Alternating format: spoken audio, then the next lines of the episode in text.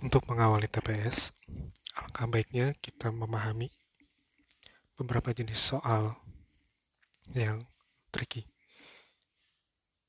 Nah, ada jenis soal yang jawabannya adalah berupa relevansi terhadap pernyataan-pernyataan yang ada.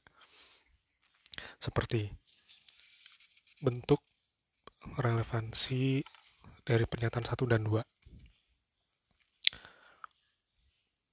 Yang kalian bisa lakukan untuk mendapatkan uh, kecepatan pengerjaan kalian melakukan proses eliminasi.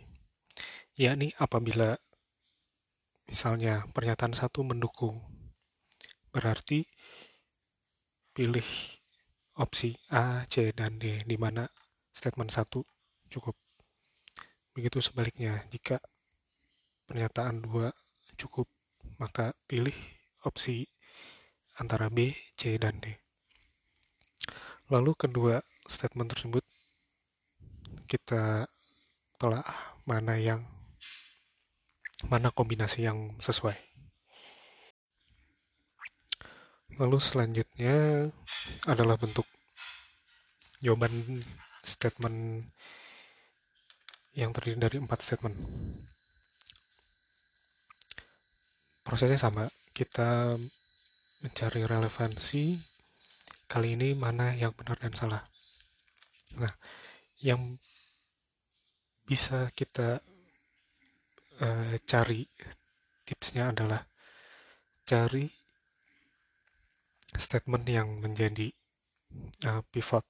Pivot di sini adalah yang bisa menjadi uh, penentu dari soal.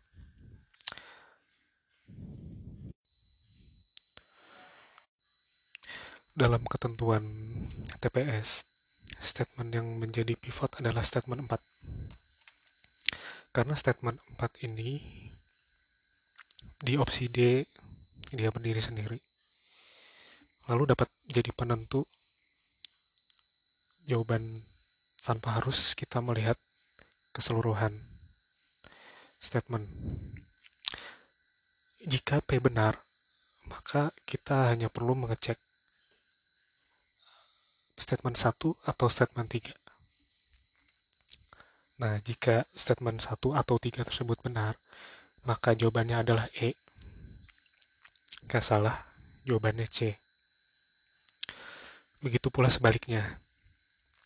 Jika statement 4 salah, kita cek nomor 2 Apabila benar, maka jawabannya A. Apabila salah, jawabannya B. Kalian dapat merefer ke lembar yang saya berikan. Oke teman-teman, sekarang kita masuk ke nomor satu. Di nomor satu diberikan suatu balok dengan ketentuan yang ada di gambar. Lalu diberikan sebuah statement volume 576 cm kubik. Lalu diberikan ukuran dari rusuk AB, AE, BC yang dicanya adalah AC yakni diagonal alas. Yang perlu kalian perhatikan adalah relevansi informasi antara bidang ruang dengan bidang datar. Nah, kita telusuri satu-satu. Di pernyataan satu, itu tidak memberikan informasi mengenai diagonal alas. Karena volume yang terbentuk itu bisa tersusun oleh panjang lebar tinggi yang bervariasi. Atau bentuk apa pun bisa memiliki volume sekian. Jadi tidak ada relevansinya dengan diagonal alas di pernyataan dua itu relevan karena kita dapat mencari diagonal alas AC dari AB dan BC.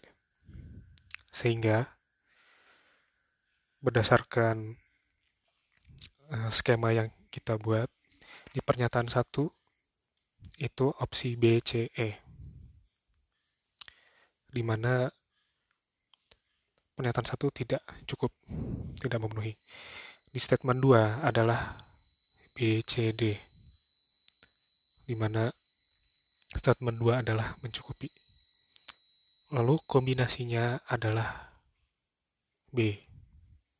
Karena hanya statement nomor 2 yang mencukupi. Nomor 2 menanyakan tentang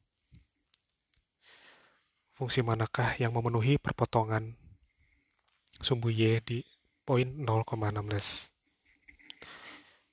Kita lihat di statement 1 adalah Y sama dengan X min 4 dikuadratkan. Di statement 2 adalah X kuadrat min 16. Cara yang paling straightforward adalah memasukkan nilai X sama dengan 0 ke masing-masing statement. Didapatkan di statement 1 adalah Y sama dengan 16, di statement 2 adalah Y sama dengan 16. Tentu saja kita bisa melihat, oh, pernyataan 1 mencukupi, pernyataan 2 tidak mencukupi. Sehingga dari pernyataan 1 kita dapatkan ACD dan statement 2 adalah BAE di mana hasil akhir yang kita putuskan adalah A, jawaban A.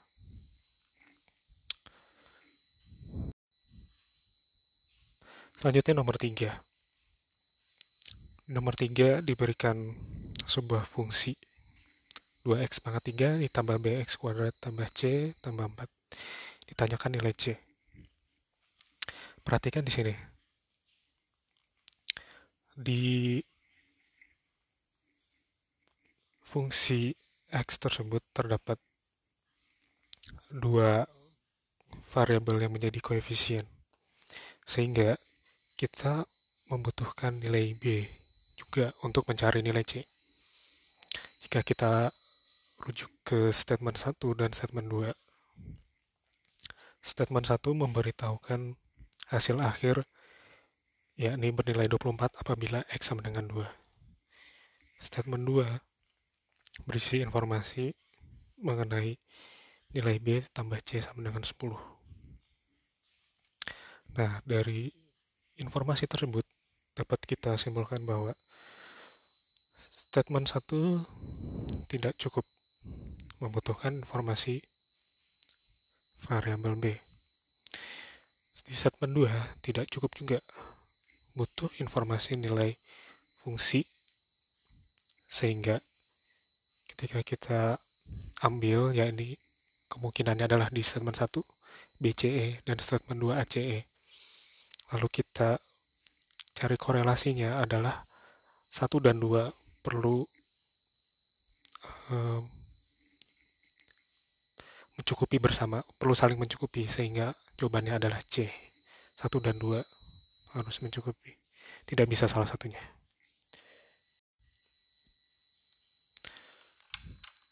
Nomor 4. Menanyakan nilai dari 2Q dikurangi P kuadrat ditambah 5. Dengan diberikan ketentuan bahwa P dan Q adalah bilangan bulat positif. Artinya P dan Q lebih dari sama dengan 0. Di statement 1 kita mendapati P kali Q sama dengan 6P. Di statement 2 kita mendapati P kuadrat sama dengan 4. Jika kita melihat pada masing-masing statement, statement 1 tidak mencukupi karena perlu informasi apakah P sama dengan 0 atau tidak. Jika P sama dengan 0, maka Q sama dengan 0. dan itu berdampak pada pembagian dengan 0. Jika di statement 2 itu tidak cukup juga perlu informasi tentang Q. Nah, dari pengerjaan masing-masing didapatkan bahwa satu dan dua butuh bersama statement 1 dikonfirmasi oleh 2, yakni P lebih dari 0, yakni P sama dengan 2. Jadi dari statement 1 BCE dan statement 2 ACE kita mengambil yang C. Nomor 5. Diketahui suatu barisan bilangan X 60 55 49 42 34 Y. Ditanya nilai 2Y min X. Dari sini kalau kita amati 60 ke 55 itu berkurang 5. 55 ke 49 berkurang 6. Begitu selanjutnya sehingga ditemukan nilai bahwa Y adalah 25, X 64 dimasukkan ke persamaan 2Y sama dengan 50 dikurangi 64 sama dengan negatif 14 sehingga jawabannya adalah E. Nomor 6 nomor 6 terkait tentang peluang. Oke jadi diketahui terdapat dua kelas. Kelas A, kelas B. Masing-masing berisi 20 siswa. Dengan diasumsikan masing-masing kelas terdiri setidaknya ada laki-laki dan setidaknya ada perempuan, sehingga tidak terdapat satu kelas yang berisi siswa semua atau sisi semua. Kita misalkan AX adalah jumlah siswi kelas A, BX jumlah siswi kelas B, AY jumlah siswa kelas A, BY jumlah siswa kelas B. Ruang sampel yang didapatkan adalah AX, BX, yakni semua perempuan bernilai 10 per 25 peluangnya. Lalu AXBY, AYBX, yakni minimal salah satu di antaranya adalah perempuan. Dan yang terakhir adalah laki-laki semua, AYBY. Nah, konsep yang perlu kita ketahui di sini adalah bentuk peluang dari A dan B merupakan perkalian dari peluang A dan peluang B yang mana kita bisa mencari peluang dari perempuan di masing-masing kelas yakni PAX dan PBX. Kita dapatkan angka 160 yakni penyusun dari AX dan BX yang mana tidak mungkin bernilai 20 apalagi lebih sehingga kombinasi yang mungkin adalah 10 dan 16. 10 dan 16 ini dapat berupa kelas A atau kelas B, urutan tidak diperhatikan. Yang terpenting adalah jumlah laki-laki adalah uh. Sehingga apabila di suatu kelas itu perempuannya adalah 10, maka laki-lakinya 10. Jika itu kelas yang perempuannya 16, maka laki-lakinya 4. Lalu kita dapat mencari nilai dari peluang laki-laki yakni P, Y, dan Y. P peluang keduanya adalah laki-laki, yakni nilai 10 per 20 dikali 4 per 20, yakni 1 per 10. Nah, dari sini kita bisa mendapatkan jawaban. Ya, ya, jadi salah satu cara yang paling cepat adalah kan kita ditanya berapa sih peluang setidaknya ada satu perempuan. Artinya kita membuang peluang yang keduanya adalah laki-laki sehingga kita bisa menjawab dengan kemungkinan seluruhnya yakni satu dikurangi peluang kedua-duanya laki-laki seper 10 maka jawabannya adalah 9 per 10 di jawaban tidak ada ya. Ralat. Nomor 7 terkait dengan perbandingan. Kita mengasumsikan ini merupakan perbandingan terurut. Artinya dalam soal disebutkan perbandingan susu dan gula adalah 2 banding 3 lalu diberikan tabel perbandingan P dan Q adalah X banding 9. Maka kita bisa menarik kesimpulan bahwa susu dibandingkan dengan P, gula dibandingkan dengan Q. Sehingga 2 berbanding 3 dibandingkan dengan X dibanding 9. Maka nilai X adalah 2 per 3 dikali 9, yakni 6. Maka nilai P banding Q adalah 6 banding 9. Dari pilihan jawaban yang ada, opsi B yang benar, yakni Q lebih besar dari P. 9 lebih besar dari 6. Nomor 8. Di nomor 8 ini kita menggunakan tips statement berjumlah 4. Oke, diketahui bahwa 2K plus 4 adalah kelipatan 2. Kita dapat memodelkannya dalam bentuk kelipatan atau bentuk sisa hasil bagi. Cara yang saya gunakan adalah sisa hasil bagi, yaitu modulo. Nah, dalam operator modulo ini, kita dapati bahwa asumsi K modulo 2 sama dengan 0, artinya K habis dibagi dengan 0. Lalu sisanya, yakni 4, di modulo 2 sama dengan 0, yakni 4 dibagi 2 bersisa 0 dan itu benar. Atau Sisa hasil bagi dari 4 terhadap 2 adalah 0. Nah, lalu kita mengecek nomor 4. Di statement nomor 4, 2K min 10 sama kita memodulokan 2K modulo 2 sama dengan 0, K modulo 2 sama dengan 0. Ya, ini basisnya sesuai. Lalu kita mengecek Sisanya yakni min 10 modulo 2. Dan benar, hasilnya adalah 0. 4 benar, kita mengecek 1 atau 3. Kita mengambil 3.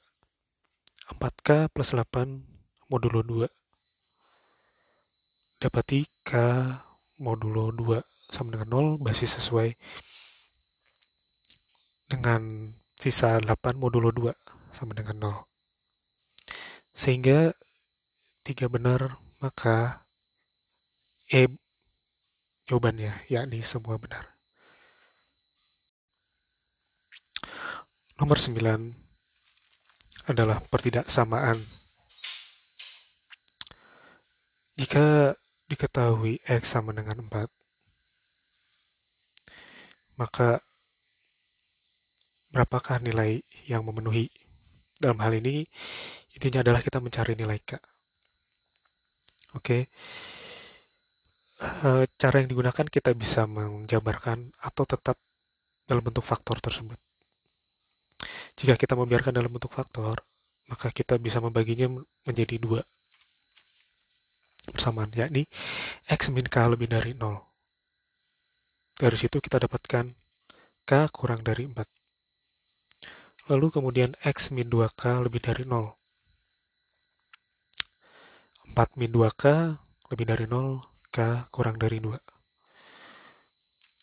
Jika kita gambarkan garis bilangan ya, maka yang areanya mencakup semua adalah area K 2, yakni K kurang dari 2.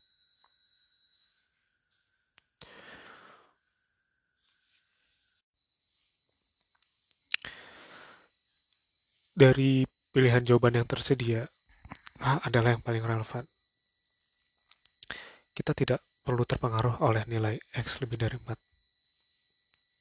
Karena penghubungnya adalah atau, artinya jika X lebih dari 4 misalnya salah, tapi jawaban A tetap benar karena K kurang dari 2 memenuhi.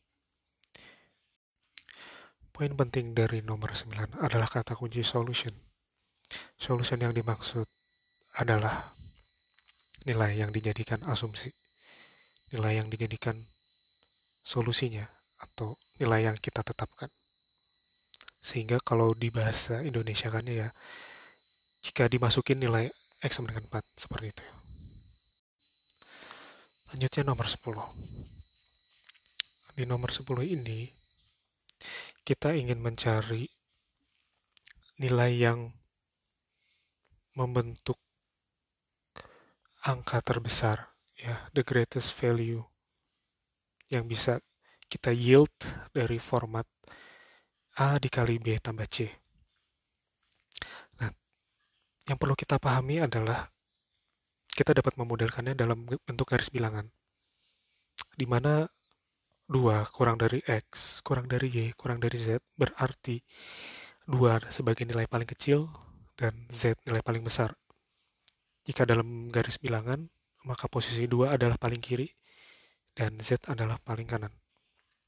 Nah, untuk membentuk nilai paling besar, ya secara straightforward tentu saja ya kita pilih nilai yang paling kanan sebisa mungkin paling kanan. yakni nilai terbaik yang mungkin dapat terbentuk adalah Z dikali Z tambah Z. Sebaliknya, nilai terkecil yang dapat terbentuk adalah 2 kali 2 tambah 2. Kita dapat memodelkan juga ke sebuah angka gitu ya. Misalnya X sebagai 3, Y 4, Z 5.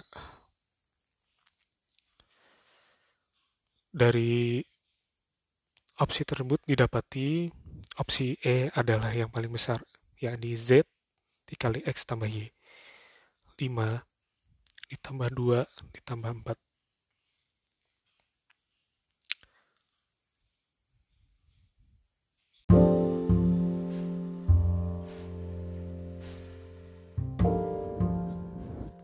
Assalamualaikum.